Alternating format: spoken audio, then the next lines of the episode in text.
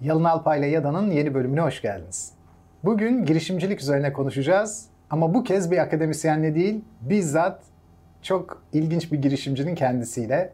Bugünkü konuğum İstanbul Film Akademi'nin sahibi Veysi Sala.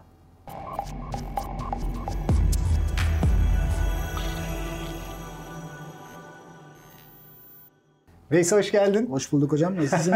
çok iyiyim sen. Teşekkür ederim. Veysi sen Efendim? günümüzde Türk YouTube'unun belli bir bölümünün bildiğin kurucususun. Başı.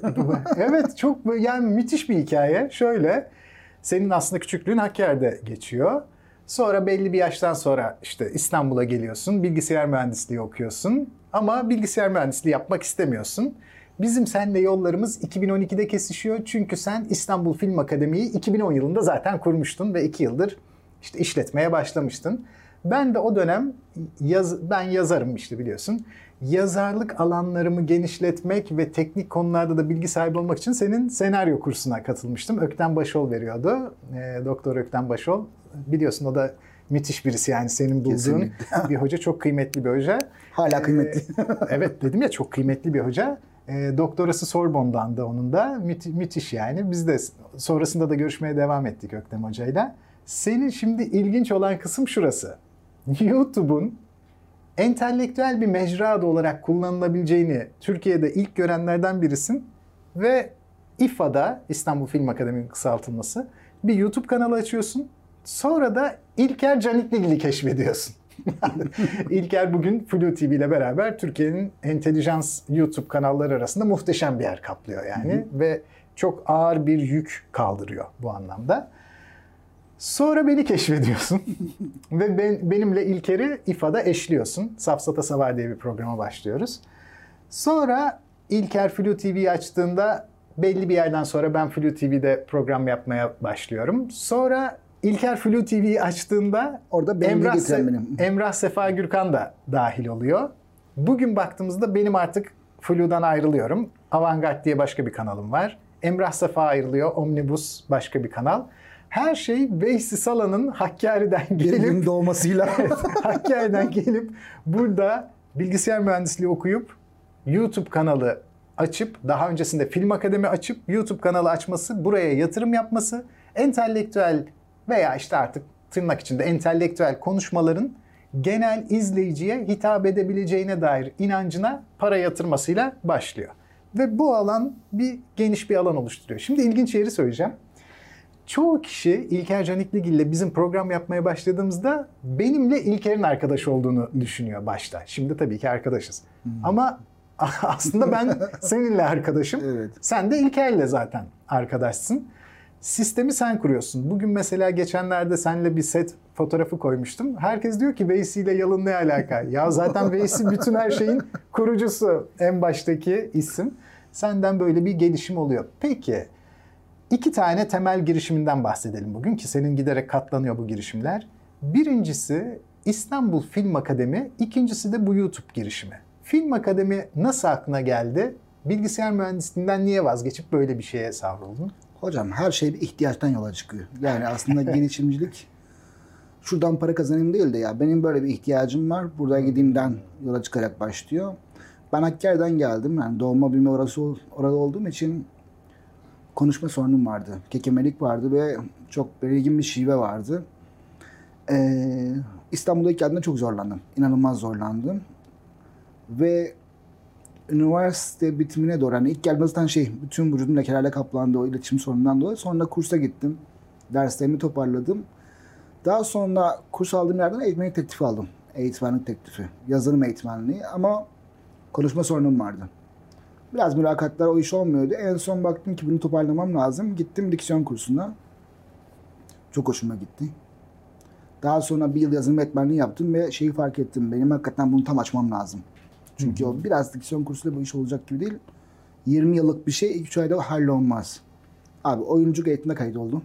Çünkü bunu 20 yaşında hallettim hallettim. Halledemezsem ben İstanbul'da tutunamam. 3-4 yıllık bir oyunculuk eğitimi ve her hafta parça oynamak, her hafta egzersiz çalışmak bana inanılmaz iyi geldi. Fakat bir yerden sonra şeyi fark ettim. Tabii o şey korkusu da başladı. bilgisayara tekrar dönersem tekrar kendime kapanacağım. Bu yüzden bu kapanma bana zarar verir. Şu an baktığımda doğru yapmışım. Ama tabii ki o alanda büyük emek verdim ve o şeyi de yanına koyacağım. Yani 4 yıl boyunca oyunculuk eğitimi bana inanılmaz şey kattı ve aslında şeyi fark ettim. Yani hayatıma kültür sanat girdi. O zaman çünkü Hakkari'de sinema yoktu. O zamanlar bir şey, kültür sanat alanında hiçbir şey yoktu. Beslenebileceğim bir şey yokken kalkıp hayatına ilk defa giriyor. Üniversitede buraya geliyorsun ama eski kültüründe böyle bir şey olmadığı için de kalkıp ama onlar peşinden koşmuyorsun. Çünkü öyle bir açtığın yok. Ne olduğunu bilmediğin için. O tarafa girdiğimde bana katkısını çok fazla gördüm. Tamam. Benim yolculuğum burası dedim. Oradan devam ettim ve ısrarcı oldum. Sonra senaryo eğitimleri, yönetmenlik eğitimleri aldım ve daha sonra şeyi fark ettim. 4 yılın sonunda Türkiye'de bir okul yok aslında sinema olduğuna. Ve ben birçok en iyi insandan eğitim aldım, onları tanıdım. Benim de şansım işte Öktem Hoca ile tanışmaktan yola çıktı. Öktem Hoca teklif ettim. Hocam benle bu yola çıkar mısınız? O zaman onun kursuna kayıt olmuştum ve kursta anlaşamıyorlardı. Bir yapım şirketinin kursu. Yapım şirketi Hem de kadar. çok ünlü bir yapım şirketi. Çok ünlü bir yapım şirketi yani komik olan şey şuydu. Hoca derste film gösterecek. Biz ciddi para vermişiz. Yapım şirketi hoca diyor ki e, bütçemiz yok bu filmler için. Hoca zorlanıyor ne yapacak? Benim de hayattaki en büyük avantajım hani bugün geriye dönüp baktığında Steve Jobs'un sözü geriye dönüp baktığın zaman noktalara birleştirebiliyorsun. Mesela ben bilgisayar okumasaydım bugün buralara gelmezdim. Film akademide de diğer okullarda da çünkü teknik şeylere olan hakimiyet ve teknik işlemi kendim yapabiliyor olmak çok aşama kaydetmemi sağladı. Hocaya hemen filmleri hazırla, hocaya ver. Tekrar hazırla, hocaya ver. Bu benimle hoca arasında çok güzel bir yakınlaşma sağladı. Hoca ile aranızda güzel bir güven bağı oluşunca ben teklif ettim. Hoca kabul etti. Ama elde para yok. Benim ailemin çok şükür maddi durumu yerinde ama babam karşıydı bu tarz şeylere. Ve ben de gizli bir şekilde bir süre sonra oyunculuk eğitimine devam ettim. Bir yandan da part time çalışmalar yaptım. Hatta çok güzel bir şey vardı. Bir girişimcilik projem vardı. O zamanlar Full Okul diye bir proje yapmıştım. Full Okul'un projesinin şeyi şuydu. Kurslarda, üniversitelerde olan eğitimleri online sisteme taşımaktı. O zamanlar böyle bir proje Ne yoktu. kadar avantgard o dönem için değil mi? Evet. Böyle bir şey yoktu ve enteresan olan şey şuydu. E, Metro City inşaatın sahipleri vardı. Hafta içi onların şeyine gidip sunum yapıyoruz. Hafta sonu da Metro City'de e, animatörlük yapıyorsun para kazanmak için. İşte o dönem e, o tarz şeyler yaptım. Ha sonra Öktem Hoca ile başladık. Muazzam. Evet. Ee, oradaki başlangıç hikayesi şöyle. Hocanın bir adı var. Benim bir adım yok. Ben hocanın adına geldim zaten. Hemen hocaya web sitesi kurdum. aktembaşarı.com diye. Bir afiş tasarladım. Tabii yer lazım. Eğitim aldığım bir yer vardı Kadıköy'de. Hocamla anlaştım. Buraya iki gün kiralayabilir mi? Kiralayabilirsin dedi. Reklam lazım. O zamanlar Facebook'ta atıyorum yalını etiketlersem yalını tüm arkadaşlar görüyordu. Öyle bir sistemi vardı. Bütün arkadaşlarım etiketliyordum. Düzenli bir şekilde. Sonra insanlar arıyordu kayıt olmak için. Gelip görmek istiyorlardı. E, mekan yok. Mülakat alacağız sizi dedim. Wow. Sonra bir cumartesi günü 10 kişi mülakata girdi. 10 kişi de mülakatı geçti. Çok başarılı insanlardı. Ve o şekilde başladı. Daha sonra Nişantaşı'ndan bir mekan boşaldı. Orayı üç ortaktan birisi olarak tuttum böyle. Ben Nişantaşı'ndaki yere Evet, evet gelmiştim. sen Nişantaşı'da geri gelmiştin. Ondan sonra e, Öktem Hoca'ya başlamak çok büyük bir avantajdı benim için. Çünkü seviye burada. Yani Kesinlikle. onun Müthiş, aşağısına müthiş bir hoca. ve çok Evet. güzel perspektif kazandırdı. Ben de avantajım ben aslında okul açma niyetinde değildim. Sinema eğitimi sürdürme niyetindeydim. Bu alanda en iyisi kimse onlarla çalışmak. Yani benim okul içinden para kazanmak gibi derdim yoktu. Kendi filmimi yapayım, o yoldan gideyim. En iyileri kimse eğitim aldım, onlara teklif ettim. Bazıları bir yıl sonra, bazıları üç yıl sonra, bazıları beş yıl sonra kabul etti ama ondan yerine başkasını koymadım. Çıtayı hep burada tutunca bir süre sonra kendiliğinden işler gitti. Ki o kadar bir bütçe, sıfır bütçeyle yaptık. Ama iyi insanlarla çalışınca, kaliteli iş yapılınca hakikaten bir de sabredince, azmedince devamı geliyor. Çünkü insanlar kalitenin peşinden gidiyorlar. Şimdi kocaman bir bina Şu an çok iyi konuma altında. geldi. Evet. Dev bir Kırılma tesis. noktalarından bir tanesi mesela Gezi Parkı benim için çok bir kırılma noktasıydı. Tam Nişantaşı'nda yan tarafındayız ve Mayıs ayında çöktü her şey. Hani lan 3 yıldır ne güzel gidiyor diye planlarken yok oldu. Benim o ofisi kullandığım diğer iki ortak battılar. Mal sahibi bizi çıkartıyor, me- mekanı satmak zorunda. O zaman bir sürü insan bayağı iş durumundan zora düşmüştü. Ben de çok zorlandım. Çünkü Mayıs'tan Eylül'e kadar hiçbir şey yapamıyorsun. Ve komple cepten gidiyorsun. O benim için kırılma noktasıydı ama mesela çok sabrettim orada. Bayağı koşturmadan peşinde gittim. Ee, o dönem Art Enstitü geldi. Tam böyle her şeyi kapatıyor muyuz? Lan gitti mi buraya kadar mı derken bir gün bir telefon geldi. Biz Art Enstitü'den arıyoruz. Sizinle toplantı yapmak istiyoruz. Gelin abi. Hani ben şu an başka dertteyim zaten. Adamlar bir geldi. Türkiye partneri olarak seçmişler bizi. Tabii Müthiş. ki Amerikalılar kendi menfaati için seçerler. Asıl dönem noktası da iki yıl sonra başka bir okul geldi. Onların da dünyaca ünlü bir okul. Onların sistemi mesela bir yıllık sistemdi. Biz onların partnerleri olarak belli bir şeyler yaptık. Sonra şeyi fark ettim ya. Türkiye'de bir yıllık mesleki okul yok. Ve üniversitelere baktım.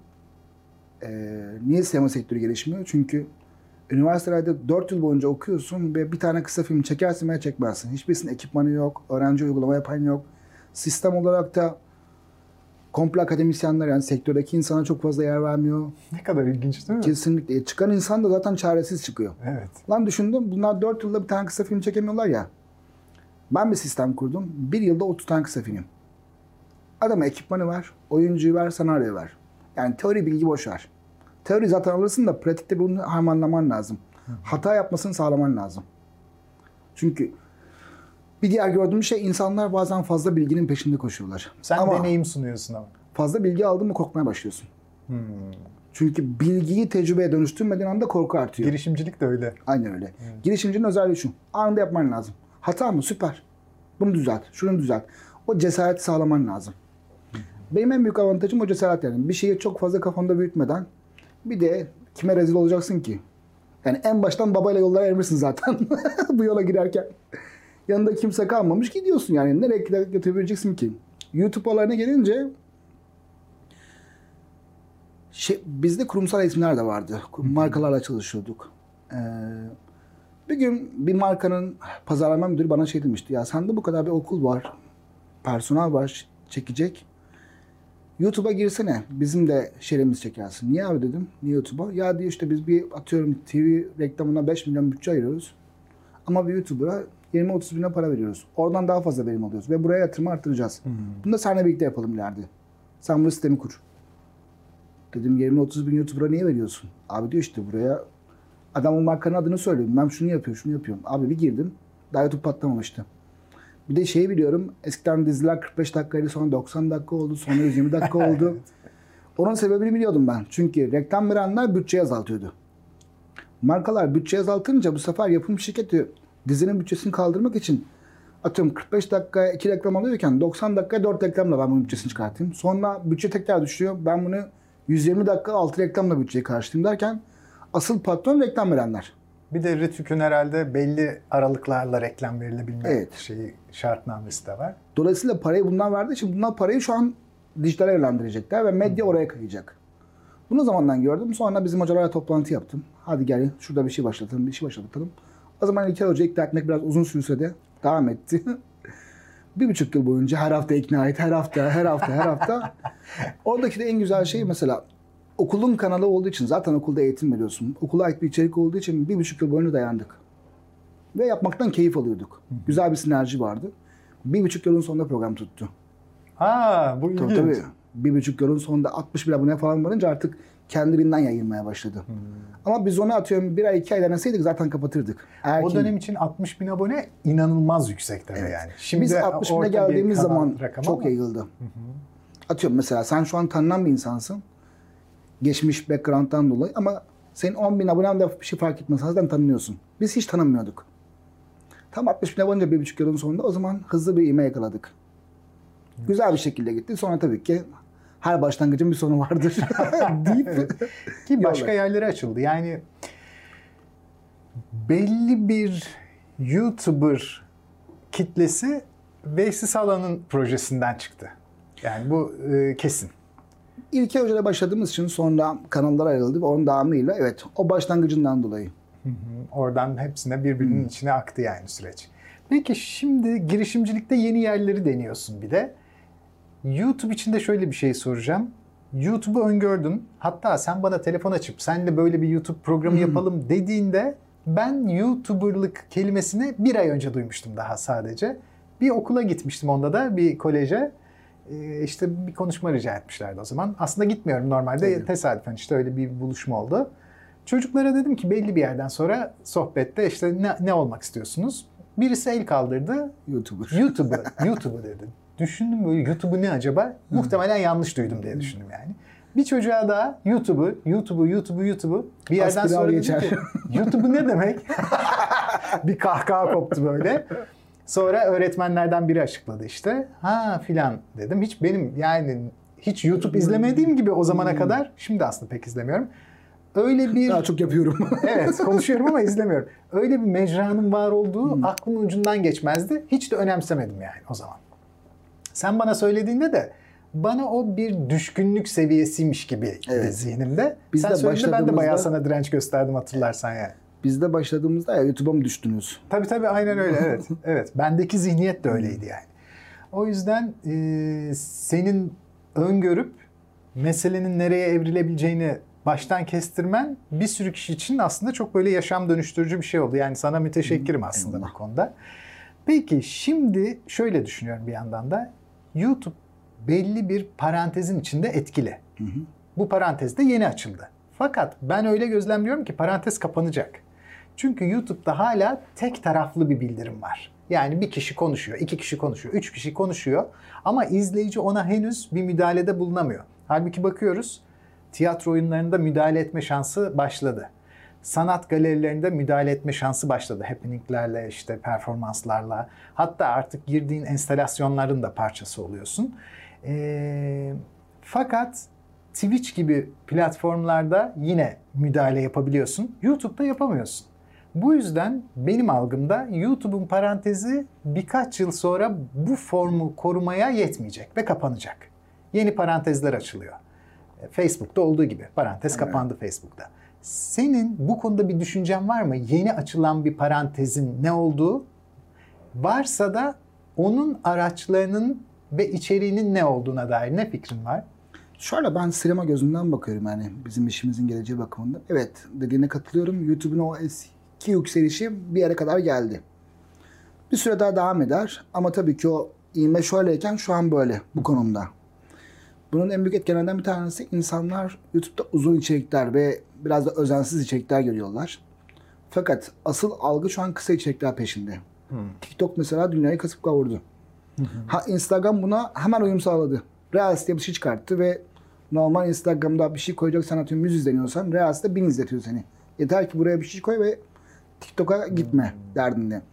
YouTube bunu daha kötü yaptı. YouTube Shorts diye bir şey koydu ama Evet etkili olmadı. o konuda pasif kaldılar. Dolayısıyla şu an asıl öncelik biraz Instagram Reels'e kaydı. Bir de onun da seni ekstra izletme çabasına karşılık. Ben sanki ama daha da köklü bir değişim gelecek gibi düşünüyorum. Gelecek. Yani sanki daha interaktif, anında katılmanın mümkün olduğu, belki görüntülerin mesela Twitter Space'daki gibi olduğu gibi sırf sesle değil, görüntünün de eklenebileceği büyük e, açık oturumlar belki gibi Olacak olabilir. mesela Clubhouse bayağı devrim yarattı. Ee, Çok kısa sürdü. Çok kısa sürdü ama Onun Twitter onu- parantezi müthiş hızlı kapandı yani. e, Türkiye'de kapandı. Yurt dışına devam ediyor ama Twitter bunu aldı mesela. Clubhouse'un sesli konuşma şeyini Hmm. Evet, kendine aldı. Dediğin gibi birisi kalkıp bunun bir de görüntülü çünkü hayatımıza Zoom diye bir şey girdi bir anda. Ve çok ciddi kullanılıyor. Zoom'a da rakip çıkmadı. Yani Zoom'un rakipleri diye ortaya çıkanlar, bizde toplantı yapanlar Zoom'un bayağı altında kalitede yapıyorlar. E, bunu gören Instagram ve YouTube canlı yayınları daha aktif kullanmaya başladılar. Canlı yayınlar burada öne çıkıyor. Fakat mesela başka bir şey söyleyeyim sana. Hiç duymadım belki de. Ee, oyun piyasası çok gelişiyor. Oyun sektörü ve sinemaya bayağı katlayarak gelişti.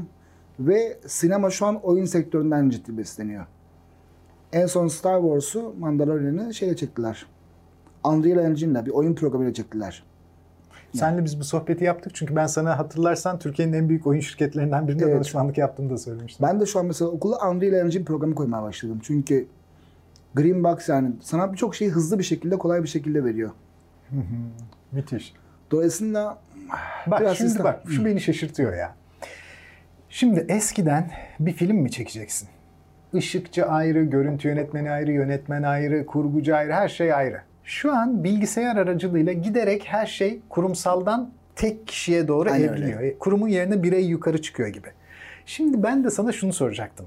Birey tekrar zorlanacak mı diyecektim ama sen tam tersi bir şey söylediğin için şu an ikircikli bir durumda kaldım ben de.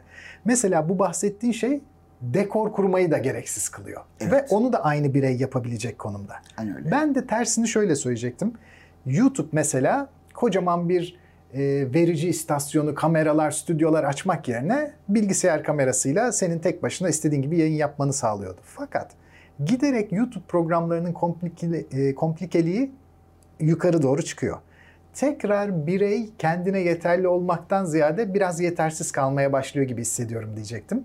Ve sonra da şunu ekleyecektim. Girişimcilikte bana öyle geliyor ki bir başarı elde etmek için giriştiğin iş dalında yüksek giriş bariyerleri olması gerekiyor. Eğer orada yüksek bir giriş bariyeri yoksa bunlar ne olabilir? Çok iyi eğitimli olmak, çok büyük bir sermayeye sahip olmak, çok özel bir arsaya sahip olmak, bir şekilde başkalarının oraya girebilmesi için yüksek bir bariyerle koruma sağlamış olması sağlamak. Fakat öyle görüyoruz ki sürekli olarak birey bariyerlerin indirilmesiyle bir mevki kazanıyor. Ama kriptonda herkes süpermen olduğunda süpermen olmanın anlamı kalmıyor ya. O zaman birey artık kurumdan sıyrılıp her şeyi tek başına yapabilir bir pozisyona geldiğinde bunun ivmenin tersine dönmesi gerektiğini düşünüyorum ben. Tekrar sahte veya gerçek fark etmez yüksek bariyerler inşa edilmesi gerekecek. Sence yeni dönemde YouTube'u yedekleyecek yeni açılacak parantezde o bariyer ne olabilir? Çünkü senin anlattıkların hepsi bariyerlerin aşağı inmesiyle ilişkili. Belki de tabii şu da olabilir. Bak şimdi konuştukça benim de aklıma geliyor. Belki de senin keşfetmeyi çok iyi başardığın yer hangi bariyerin şu anda iniyor olduğu ve sıfır maliyetle o bariyeri atlayıp sonra yükseldiğinde bariyer yüksekliğini kendi Aynen lehine çevirmek. Çünkü bariyeri yüksek olan bir yerde girişimcilik yapamazsın. Şöyle bir şey abi. Benim hep kullandığım bir söz vardır. Parayla iş yapılmaz. Bir otel yapmak istersin şudur budur ama girişimcilikte senin paranın olmaması ya da az paranın olması bir şeyleri başarmanı sağlar. Neden diyeceksin? Zaten girişimcisin. Yeni bir alana giriyorsun ve minimal bir şeyle deneyip bir sonraki aşama bir sonraki aşamayı bunları belirlemen lazım. Mesela İstanbul Film Akademi bugün olmasını sağlayan en büyük sebeplerden bir tanesi Facebook'un oluşmasıydı. Eskiden gazetelere, televizyona reklam vermen gerekiyordu ve büyük bütçelerdi. Ama Facebook'ta yalını tek dersem arkadaşlara çıkar ya da şu anda 100 lira ver hızlı bir şekilde yayıl. Ya da bugün medya sektörünün büyük kanalların zora girmesinin sebebi YouTube'a bizim içerik üretebiliyor olmamızdır. Çünkü alternatif bir şey veriyoruz. Dolayısıyla ben ötekinden yanayım. Mesela eskiden bizim tarz e, daha küçük girişimciler kanallara proje veremezdi. Evet doğru. Çünkü bariyer o kadar yüksek ki nasıl bir bariyer senin atıyorum X kanala program yapman için diyor ki sana ben sana 9 bölüm sonra para vereceğim. E bir bölümün maliyeti 1,5 milyonsa 1 milyonsa senin zaten peşinden bir 10-15 milyonla girmen lazımdı. Bariyeri kendine buraya koymuşlardı ve sen giremiyordun. Ama şu an yeni çıkan yayınlarla işte yayın olsun, egzen olsun, şunlar olsun, bunlar olsun daha düşük bütçelerle iş yapabiliyorsun. Ve daha da güzeli artık bunu yapabildiğin için de özgün içerikler üretebiliyorsun. Dolayısıyla ben girişimcilikten yana ya bariyer yukarıdan değil de aşağıdan olması birçok insanın tabii ki bir şeyler denemesi bu tabii ki şunu da sağlıyor. YouTube aynı zamanda bir çöplük. Çünkü her önüne gelen bir şey çıkartıyor. Yallah payı ne ön tarafta? E, o kadar siyah hatının içerisinde bir beyazat her zaman görünür. Ve değer verilir. Bu da bir avantaj. At gibi olduğunu göstermek istemez. Dolayısıyla ben şundan yanayım. Taşınabilir yetenek. Mesela beyin göçü oluyor. Birçok göçler oluyor Türkiye'de. Ama kendine yaptığın yatırım her zaman sende kalıyor ve onu uygulamaya döktüğün anda. insanların bugün en büyük zaafı bence fazla bilgi alıp korkuyu depolaması. Ve üniversitedeki eğitim sisteminin de kötülüğü burada. Niye kötü? Ben bilgisayar mühendisliği okudum ve orada çok acı bir şey gördüm. Benim hocalarımın sektörle bir alakası yoktu. Dışarıdan bir kurstan eğitim aldığımda hocaların 4-5 kat önüne geçtim. Çünkü onlar eski teknolojiyi öğretiyordu. Ben sonra öğrenmiştim. Fakat acı olan şey şuydu. Üniversite bitiminde yüksek not alanlar, tekrar akademisyen olan, sektöre girmeyen insanlar, eski sistemi alanlar, yüksek not alanlar akademisyen oldu ve bilmeyen insanlar bilmedikleri şeyi öğretmeye devam ettiler. Bilen insanlar yapmaya devam ettiler. Sinemada da aynı şeyi. Bilenler sektöre giriyor, bir şeyler yapıyor. Yani habire yeni teknoloji çıkıyor, habire yeni bir şeyler yapılıyor. Bugün hala programlara baktığın zaman ben ilk bizim bir yıllık okul formatını oluşturduğumda bunlar 30 kısa film çekecekler şunu yaptığında bizim hocalar karşı çıktı. Ya bunların film tarihi, film bakımları şunu öğrenmesi lazım. Ya öğrenince ne olacak? Kötülemiyorum. Bilmek gerekiyor ama yapınca bakarsan daha bir faydalı için yarar. Sadece onlara bakarsan bu sefer sadece korku yarattırırsın. Ne güzel yapmışlar. Ve en sonunda günün ne sonunda yapamayıp eleştirenlerden birisi olursun. Veys çok güzel özetledin. Yani senin çok zeki olduğunu düşünüyorum. Çok Bence cüretkar. evet, çok zeki, çok cüretkar, cesur, risk almaktan kaçınmayan ve başarısızlık konumundaki her girişim genelde biliyorsun %90-95 başarısızlıkla sonuçlanıyor.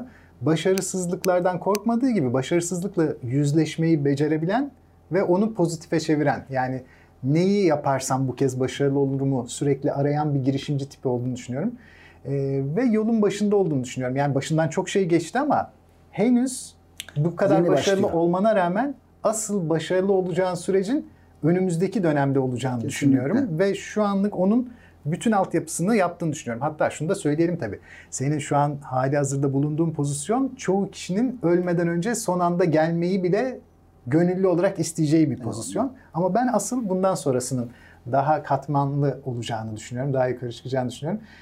Süre yetmedi. Gü- Güzel şeyler şey anlattın. hocam. Seni tekrar çağıracağım. Vallahi harikasın. Sana da ayrıca tekrar teşekkür ederim. Ben teşekkür ederim Ee, hocam. Çünkü hmm, hem bir yol açtın hem de o yolu senin açtığın çok az kişi tarafından biliniyor. Bu da ilginç yani. Çünkü mütevazı bir davranış Biz kamera de var. arkasında emekçi olarak paspas yapanlar Ama kamera önündeydin de yani. Yok, İlker. Canikligil'le beraber yaptığınız programda vardın. Evet. Ha tabii yani Evet. sesin geliyordu ama vardın yani. Ya oradaki konumumuz biraz şey e, akıllı ile aptalın atışması olduğu için Ama o çatışmayı sen zaten icat ettin muhtemelen. İlker mi etti? Tolga Çay'ın programı vardı. Oradan baktık ve ulan burada güzel bir şey var. Okey. Akıllı ve aptalın çatışması. Sadece orada aptal önde, akıllı arkadaydı.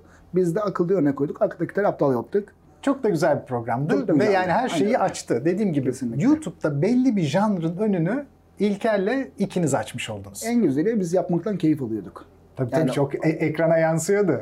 O yüzden bir buçuk yıl boyunca atıyorum bir şey kazanmadan yapmayı seviyordu. Yoksa bir türlü zaten en belki de son cümle bu olur. Bir şey yapmayı seviyorsan hakikaten ve beklentin yoksa çünkü ben bunu yapayım ve buradan parayı vurayım, buradan başarıya ulaştım dediğin şey yapamıyorsun. Şöyle yani haklısın, çok haklısın. Söylediklerinden tabii şu aklıma geliyor yani toplam olarak.